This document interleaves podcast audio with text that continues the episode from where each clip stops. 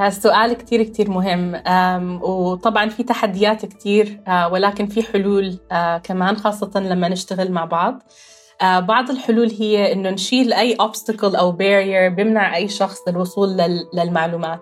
فممكن هذا الإشي يكون عن طريق توفير الإنترنت أو الاتصال مع الإنترنت توفير الديفايسز حسب موبايلات أو لابتوب أو حتى آه، مثلا موقع مشترك فيه كمبيوتر لاب أو غيرها بإمكان أي شخص إنه يستخدمها. فهاي بعض الأمثلة. غير عن هيك هي الترويج للمنصات أو للبرامج اللي بتوفر مسارات التعليم خاصة المسارات اللي بتكون آه، متوفرة بشكل مجاني بإمكان أي شخص إنه يوصل لها.